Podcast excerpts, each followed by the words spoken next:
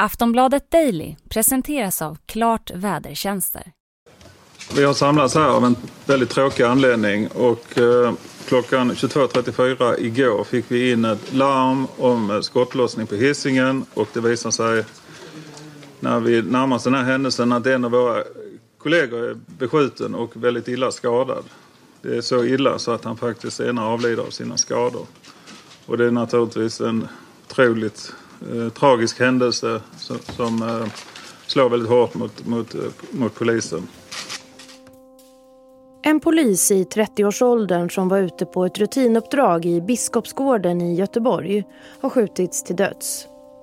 Att en polis skjutits ihjäl i tjänsten har förstås chockat många med bestörta reaktioner som följd. Varför, vem som sköt och fler detaljer, det är osäkert än så länge. Det här spelas in fredag förmiddag och det är mycket vi ännu inte vet. Vi ska prata om polisers vardag i tjänsten. Hur är det att arbeta som polis i Sverige sett till villkor och arbetsmiljö? Att dödas i tjänsten, tyder det här på en råare tillvaro för yrkeskåren? Hur ser utvecklingen ut angående polisers säkerhet på jobbet och hur förbereder man sig inför det farliga i yrket?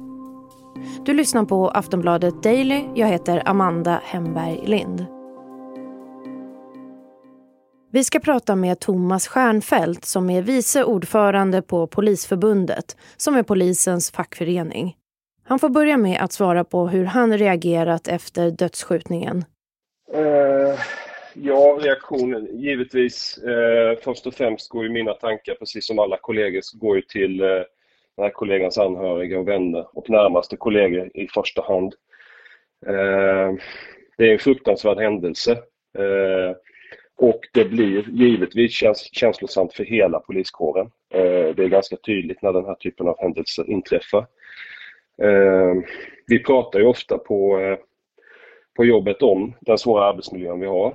Att vi utsätts för hot och våld och att vi möter det dagligen.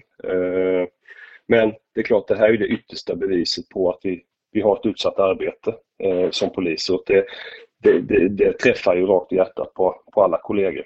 Eh, man, man kan sätta sig in i den situationen.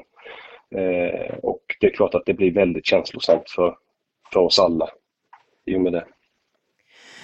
Hur, hur är det att jobba som polis i samhället idag sett till villkor och arbetsmiljö skulle du säga? Det är en jättesvår fråga. Det är klart att det, det är, en svår, det är ett svårt arbete. Vi har en svår arbetssituation. Eh, som jag sa, det är, vi möts av eh, våld och hot dagligen. Eh, vi möts av en extrem arbetsbelastning. Eh, väldigt svåra arbetsuppgifter. Så det, är, det är en tuff miljö att arbeta i. Eh, det är givetvis många yrken som har, har liknande men, men det vi ser här eh, är ju, är ju så att säga yttersta beviset på hur, hur utsatta vi är eh, och det känner alla av. Eh, man måste ha ett extremt högt säkerhetstänk eh, som polis. Det finns människor som vill skada oss enbart för att vi är poliser. Och den vetskapen har man med sig ut när man jobbar. Det är klart att det blir en extra mental belastning, så är det. Tyder eh, den här dödsskjutningen på en rå, råare tillvaro för yrkeskåren poliser eller vad anser du? Ja, det, är, det är svårt att säga det, i det enskilda fallet. Jag vet inte och vi vet inte än bakgrunden eh, exakt hur det har gått till och motiv och liknande. Men, men oavsett det så är detta ett bevis på att våld och hot blir vanligare, det blir råare, det blir grövre mot poliser. Det har vi ju sett också när vi har gjort våra undersökningar. Då svarar ju våra medlemmar att, att man uppfattar den här, eh, det här våldet och hotet som eh, mer frekvent och grövre till sin, till sin art. Det är ganska tydligt. Det ökar mer eller mindre år från år. Så att, eh, oavsett eh, bakgrunden i den här händelsen så är det eh, poliskårens uppfattning att eh, våldet och hotet och eh, de svårigheter det medför, det ökar för oss eh, konstant. Ja, kan du utveckla det där? Hur ser utvecklingen ut angående polisers säkerhet på jobbet? Och har det förändrats över tid alltså menar du? Ja, säkerhet på jobbet. Det är klart att det beror på hur, hur långa tids, tidsspann man, man tar i beräkningen. Men givetvis, vi ser en accelererande, skulle jag vilja säga, eh, ett accelererande eh, problem när det gäller hot och våld. Och det det har ju givetvis med hela samhällsutvecklingen att göra och eh, det som vi uppfattar som ett eh, råare och grövre våld generellt i samhället. Eh, respekten för, för andra människor, respekten för människoliv är ju uppfattningen att den, den, har ju, den har ju mer eller mindre försvunnit inom vissa kretsar. Det är klart att det märks bland våra medlemmar också. Eh, så att säk säkerhetsmässigt så är det helt andra saker vi måste fundera på och tänka på när vi jobbar idag. Helt annat säkerhetstänk för att vi vet vilka faror som finns. Vi ska strax prata vidare med Thomas Stjernfeldt men först ett meddelande från vår sponsor. Vad det blir för väder kan påverka hela dagens planer och många håller koll i flera olika appar för att vara på den säkra sidan. Men med Klart kan du jämföra prognoser från tre olika vädertjänster på ett och samma ställe, berättar Mikael Sjöstrand, meteorolog på Klart. Vädret i Sverige skiftar ju och väderprognoserna kan vara olika för olika väderinstitut. Så genom att använda jämförelsefunktionen kan du få en lättförståelig sannolikhetsfördelning för vilket väder som det blir hos dig. I Klart-appen kan du också se badväder, pollenprognoser och mycket mer. Du hittar den där appar finns. Vi är tillbaka. En osäkrare verklighet för poliser som arbetar i utsatta områden har gjort att nya rutiner införts. Det kan till exempel vara att det alltid ska vara två polisbilar som kör in i ett område. Vi ska höra Thomas Stjernfeldt på Polisförbundet igen. Vi har ju särskilt utsatta områden som det heter, där det finns eh, grövre brottslighet, gängkriminalitet, där vi har svårare att arbeta. Där krävs det helt andra metoder. Det krävs mycket mer resurser för att vi ska kunna eh, agera där som vi ska kunna agera i hela samhället. Så att, det är delvis en resursfråga där. Där märks den tydligt. Vi, vi kräver, eh, det krävs mer poliser, fler poliser för att, eh, för att kunna agera i, i vissa områden.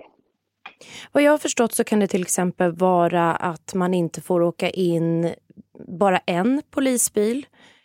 Man kanske behöver göra sådana åtärder och vara flera bilar och sådär. Eh, ja, det, det, kan det vara och det kan vara av olika anledningar. Ibland är det ju för att eh, är man en, eh, en patrull och man har ett viktigt uppdrag, man, man, kan inte bevaka sin egen polisbil till exempel, man kommer ifrån den. Då, kan det, då har det inträffat ganska frekvent att det är skadegörelse på bilarna. Eh, men också eh, om man vet att det är, man åker in i ett ärende eller ett område där man vet att det finns de som vill poliser illa, eh, då krävs det att man har eh, helt andra resurser att tillgå för att kunna stävja det. Eh, vi ska ju så långt det går inte behöva backa ur situationen när, när människor behöver vår hjälp oavsett vilket område vi befinner oss i. Så att då måste man ta höjd för det resursmässigt. Det går inte i alla, eh, alla gånger och i alla delar men det är, givetvis är det med i beräkningen att att det krävs fler poliser eh, beroende på hur eh, hotbild ser ut egentligen. Polisen som sköts till döds var ny som polis. Hur förbereder man poliserna på det farliga yrket och när man är ny? Ja, och det, det där är en jättesvår fråga. Hur förbereder man någon för det, för det yttersta våldet i samhället? Den, den är jättesvår men vi ska ju veta det att eh, de som ska bli poliser, de testas ganska intensivt av eh, Plikt och prövningsverket. Det är både psykologiska tester, fysi fysiologiska tester och diverse tester som handlar om att man ska försöka hitta personer som är eh, psykiskt och fysiskt stabila för att klara av eh, det farliga yrket som polis är. Sen gör polisutbildningen sitt till för att försöka utbilda eh, polisen att hitta hitta rätt nivå, hitta rätt säkerhetstänk och hitta rätt taktiker och metoder. Eh, men det är trots allt tester och sen är det utbildning, sen kommer verkligheten. Och det är klart att det, det, det blir en chock för de flesta poliser skulle jag vilja säga Eh, när man kommer ut i yrket och ser hur eh, verkligheten ser ut så att säga. Där är det jätteviktigt att när man får möts av den här verkligheten att man, att man får rätt hjälp, stöd från äldre kollegor till exempel eh, att komma rätt in i yrket och att man får rätt stöd av arbetsgivaren om man behöver avlastande samtal. Men det är nästan omöjligt att förbereda sig för allt det som kan inträffa som polis och eh, alla de extrema situationer man kan hamna i. Utifrån din erfarenhet, skulle du säga att poli nya poliser får höra och att det pågår samtal mellan kollegor där det är där det är en sanning att ja, du kan behöva sätta livet till när du arbetar som polis? Ja, det, det, kan, det kan det säkert vara, men jag, jag, tror inte vi, jag tror inte vi funderar eller diskuterar just i de termerna. Men det finns i bakhuvudet. Eh, varje gång man går ut på sitt arbetspass vet, vet man att det kan hända mig någonting, det kan hända min kollega någonting. Jag kan bli tvingad att utöva det yttersta våldet mot någon. Eh, det vet alla om och det pratar man givetvis om. Kanske inte i den utsträckningen vi borde, det, det finns nog mer att göra där givetvis. Men, eh, så, så uttryckligen kanske man inte alltid gör det men alla, alla vet med sig att varje arbetspass är ett nytt arbetspass. Det kan hända allt och ingenting, både stort och smått. Det, den mentala beredskapen måste man ha med sig. Och det, det, är klart att det är det som är det svåra. Poliser, ja vi är poliser men vi är som vilka andra eh, anställda som helst med ett privatliv där man kanske har sovit dåligt en dag och man ska försöka, det händer någonting annat i livet, man ska ändå försöka ha samma beredskap inför varje arbetspass att det yttersta kan hända och det är klart att det är en väldigt svår balansgång, givetvis. Vilka åtgärder skulle ni på Polisförbundet vilja se nu framåt efter det fruktansvärda som har hänt? Ja, eh, åtgärder i, direkt kopplade till detta är, är svårt att eh, nämna men, men generellt, vi har drivit på under väldigt lång tid att det finns mycket mer att göra, både för Polismyndigheten som arbetsgivare men också regering och riksdag som någonstans eh, uppdragsgivaren till våra poliser. Eh, vi driver fortsatt eh, hårt på frågan kring att vi måste ha ett stärkt medarbetarskydd i anställningarna. Alltså, vi måste kunna avidentifiera polisers eh, kontaktuppgifter i samband med ingripande och utredande. Att hitta andra sätt att identifiera poliserna som inte är direkt kopplade till den enskildes privatliv som det är idag. Man kan tänka sig särskilda tjänstekort med vissa speciella nummer istället för namn för att minska risken. Man kommer inte plocka bort risken för hot och våld men man kanske minskar risken. Så att stärka skyddet för våra eh, personuppgifter i eh, de fall vi faktiskt utövar eh, statens tjänst så ska vi inte stå där som enskilda privatpersoner om, det, om vi blir hotade eller våldsutsatta. Det är viktigt. Vi är också tydliga med att det får inte förekomma ensamarbete eh, bland poliser. Det, ser vi, det är en, en, av de absolut största riskerna för hot och våld.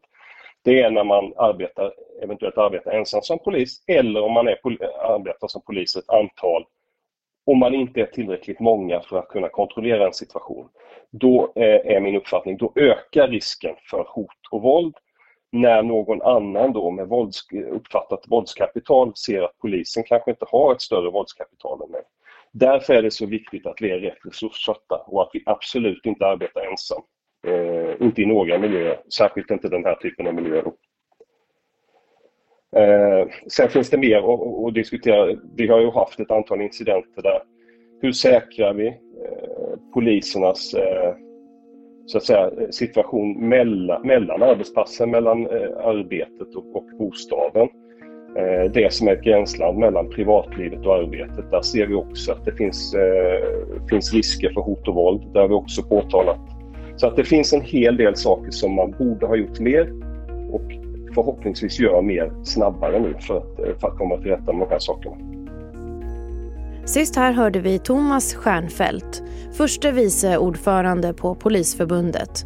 Du har lyssnat på Aftonbladet Daily med mig Amanda Hemberg Lind. Tills vi hörs igen, hej då. Du har lyssnat på en podcast från Aftonbladet. Ansvarig utgivare är Lena K Samuelsson.